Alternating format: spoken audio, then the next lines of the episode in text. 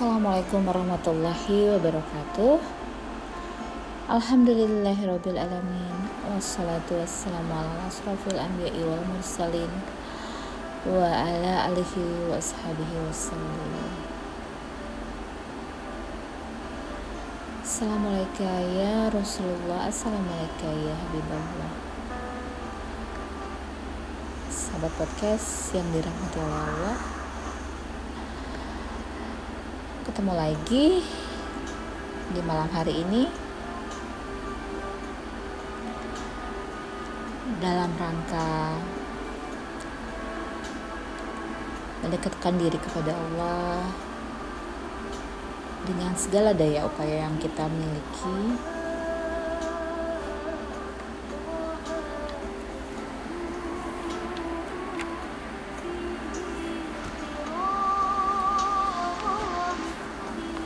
kadang kita sholat kita berteori dalam beragama kita melafazkan Al-Quran kita melafalkan zikir.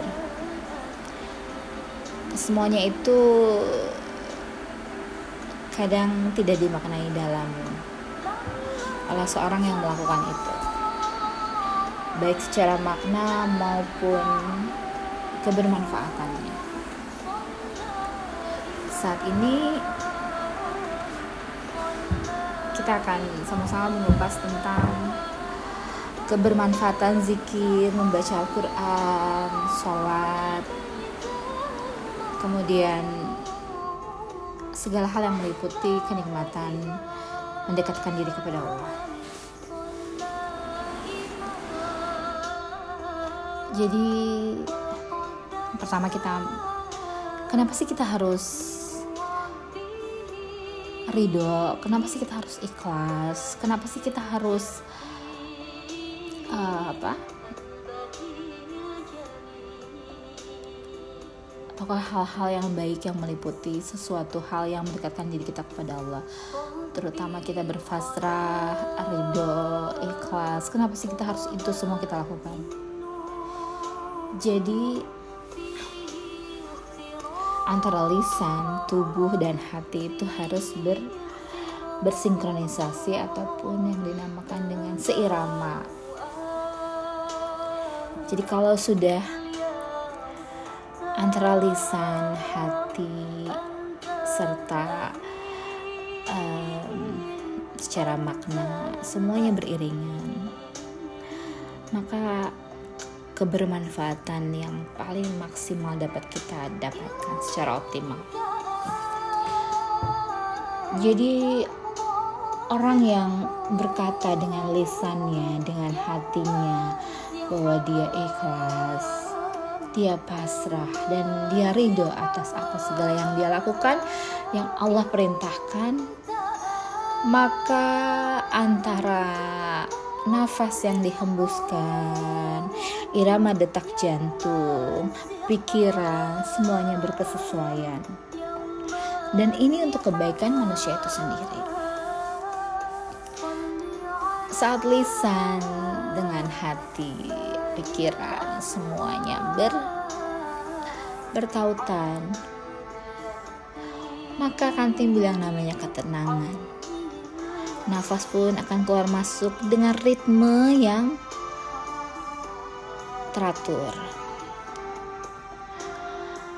Dan segala apa yang menjadi sampah-sampah tubuh ini, sampah-sampah hati ini, pikiran yang menumpuk ini akan semua dilepaskan, dihembuskan keluar. Terbuang secara natural. Jadi bisa dirasakan saat seseorang itu memasrahkan dirinya, mengikhlaskan segala apa yang dia lakukan, dan ridho atas ketentuan, itu tubuh akan merespon segala sesuatunya dengan baik. Baik dia bisa menangkap cahaya dari luar, menerangi hatinya yang paling dalam dan semua ritme detak jantung, hembusan nafas, semua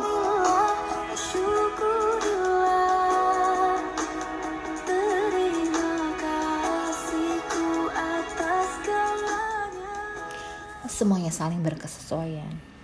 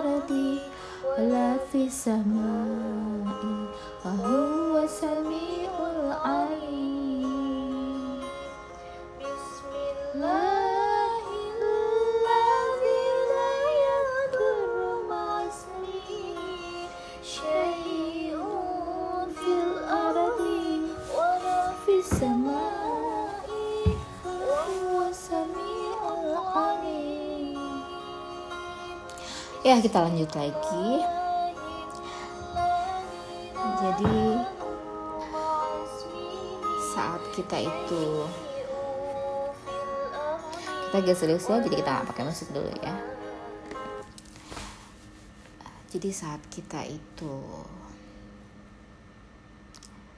dalam hati kita itu kita pasrah, kita ikhlas dalam beribadah kita ridho atas segala ketentuan yang Allah lakukan terhadap diri kita maka yang tercipta adalah sebuah penyatuan yang sangat bermanfaat untuk tubuh ini, hati ini, serta pikiran.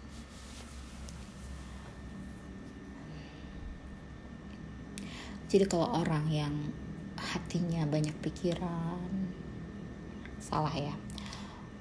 Di kepalanya terlalu banyak berpikir, di hatinya banyak rundal, di lafaznya tak banyak mengucap kata takbir, tahmid, dan tasbih, itu akan membuat aliran darah. Kemudian segala yang ada di otaknya, kejernihan hatinya, itu tak akan bisa mencapai yang dinamakan jiwa-jiwa yang tenang.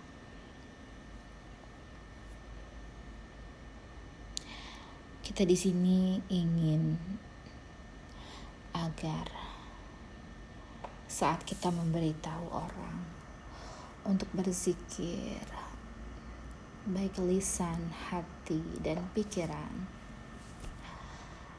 agar mereka mengerti, paham mengapa ini harus dilakukan. Dan hal yang paling efektif dari hal ini adalah dirasakan. Saat kita merasakan manfaat dari kesesuaian irama ritme mendekatkan diri kepada Allah ini, maka tubuh kita akan meresponnya dengan sangatlah baik. Secara jasmani kita akan sehat, secara rohani juga kita akan kuat, serta pikiran pun menjadi jernih atau dapat berpikir apa pun kita bisa pikirkan dengan baik secara baik. Kemudian mengenai tentang um, tadi manfaat kita apa sih manfaat kita dalam berzikir membaca Al-Quran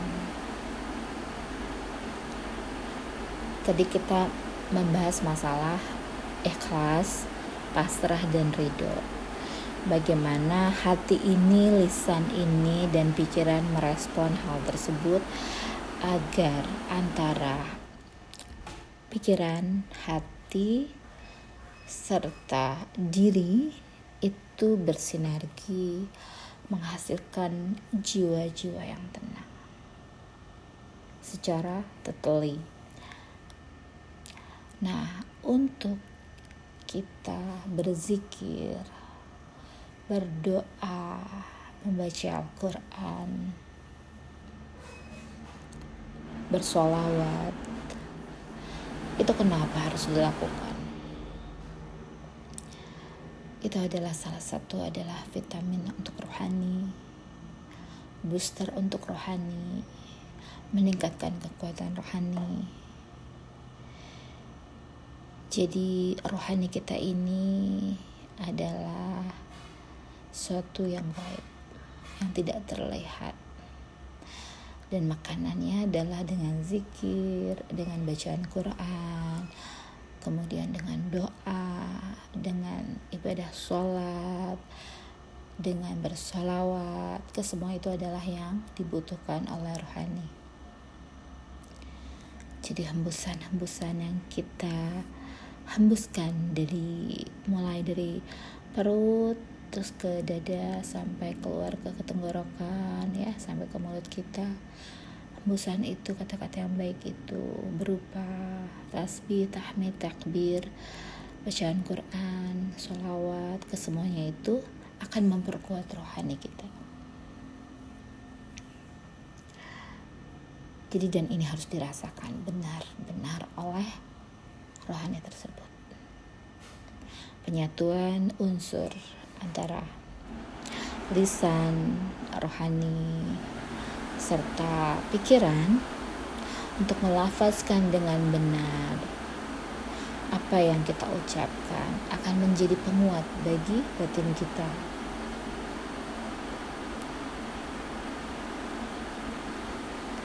Dan hembusan-hembusan ini ya adalah makanannya rohani. Karena rohani pun berhembus. Ya rohani itu berhembus. Jadi ditandai kenapa rohani ini saya sebut uh, berhembus hembusan? Karena saat orang yang meninggal itu dinyatakan sudah tidak memiliki nyawa sudah tidak ada lagi hembusan. Jadi kita harus memberitahukan kepada orang-orang kenapa saya harus membaca Al-Quran? Kenapa saya harus berzikir? Kenapa saya harus sholat? Kenapa saya harus bersolawat? Kesemuanya itu adalah untuk kekuatan rohani. Ya. karena sifat rohani adalah calm peacefully tenang damai. Itu adalah sifat-sifatnya rohani. Nah, dan kesukaan-kesukaannya adalah ini. Zikir, bersolawat, membaca Quran, sholat. Kalau kesemuanya ini sudah dilakukan, ya, maka rohani kita akan kuat. Rohani kita dapat mencapai puncaknya suatu tatanan yang diinginkan oleh setiap orang tentang bagaimana menguatkan rohaninya. Jadi hal ini akan dibutuhkan untuk ya walaupun orang itu pastinya ada yang samina wa atokna tapi ada juga yang kritis dan lebih penting lagi kita dalam memahami segala sesuatu adalah mengerti. Tidak hanya sekedar melafazkannya, mengucapkannya. Tapi memang harus mengerti biar berkoneksi dengan hati.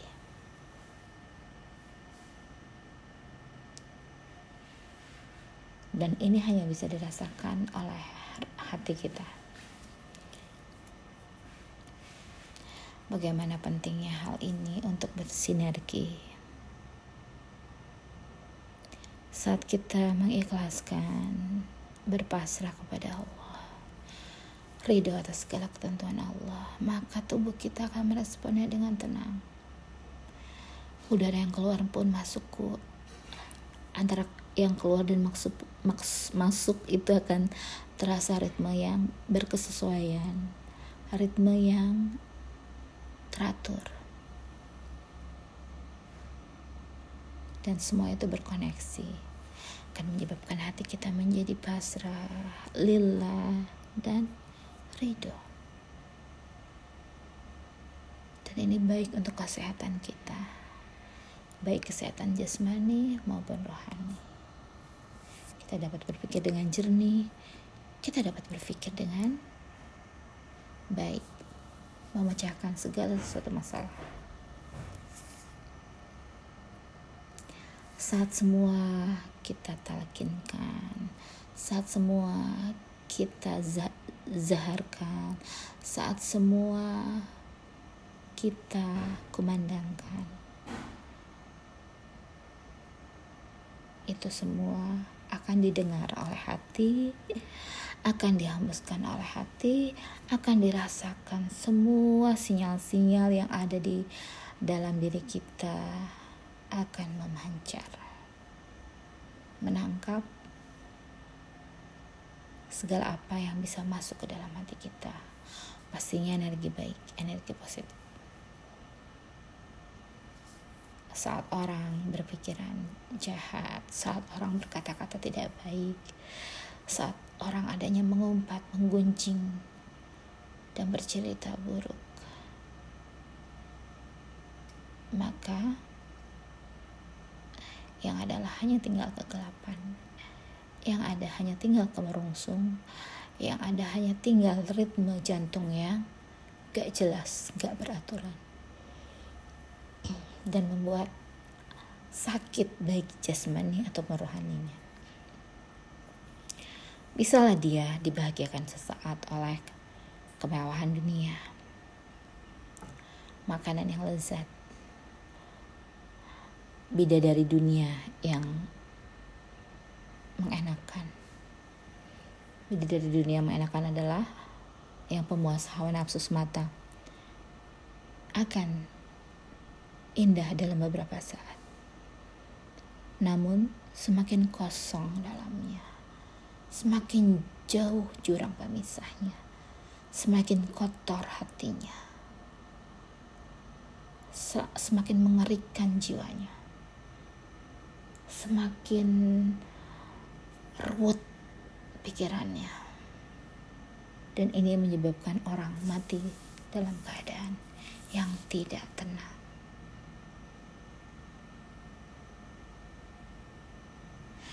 Banyak orang berkata, banyak orang-orang kafir yang hidupnya teratur, yang hidupnya sehat, berkata-kata baik. Namun diisi dengan apa rohaninya?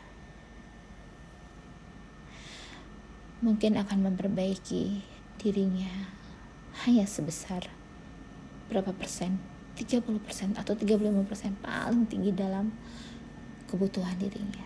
Namun 70% nya untuk rohaninya akankah bisa dipenuhi hanya dengan olahraga teratur, hidup yang sehat, pikiran yang kuat? Tidak ditambah lagi oleh suatu perkataan makna yang mendekatkan diri dengan sang penciptanya.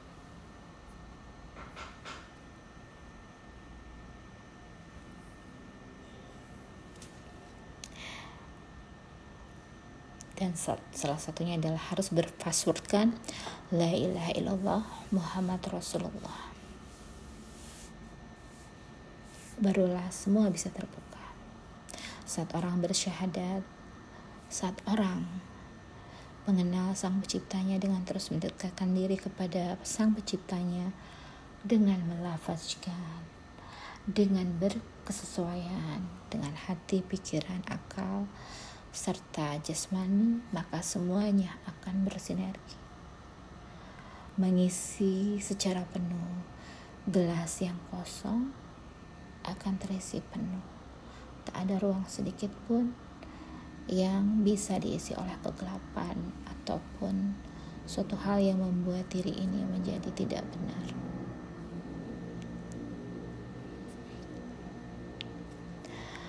Mungkin itu saja ya yang bisa saya sampaikan. Bagaimana kita harus mencerdaskan tidak hanya me menginstruksikan pentingnya kita berzikir, pentingnya kita sholat, pentingnya kita bersolawat. Namun di balik itu semua, kita harus bisa juga bagaimana tubuh ini membutuhkan namanya booster ataupun suplemen ataupun makanan yang bergizi untuk rohani.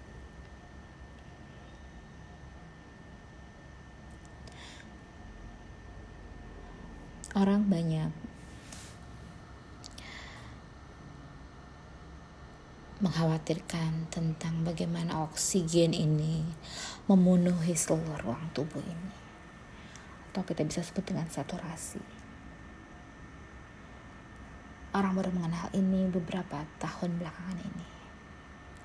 Pentingnya oksigen yang disebarkan ke tubuh secara maksimal dan secara keseluruhan menyebar dalam tubuh mulai dari aliran darah bagian tepi jantung kita kemudian ke otak ke organ-organ yang lain. Semuanya dialiri oleh oksigen. Dan itu akan sangat ritmenya akan sangat teratur berkesesuaian. Bila pikirannya tenang ruhaninya asupannya cukup, maka semua akan menjadi teratur, berkesesuaian. Yang, yang asup pun akan keluar dengan ritme yang detik demi detik degupan jantung, detik demi detik asupan oksigen, detik demi detik udara yang masuk dan keluar. Semuanya diatur oleh hal-hal yang bagaimana kata-kata ilahiyah, pikiran-pikiran ilahiyah, lafaz-lafaz ilahiyah bisa merasuki seluruh tubuhnya, menjadikan semuanya berjalan teratur, berjalan berkesinambungan. Mungkin seperti itu. Allah alam bisawab. Alhamdulillahirrabbilalamin Subhana rabbika rabbi izzati Wassalamun ala mursalim Walhamdulillahirrabbilalamin Assalamualaikum warahmatullahi wabarakatuh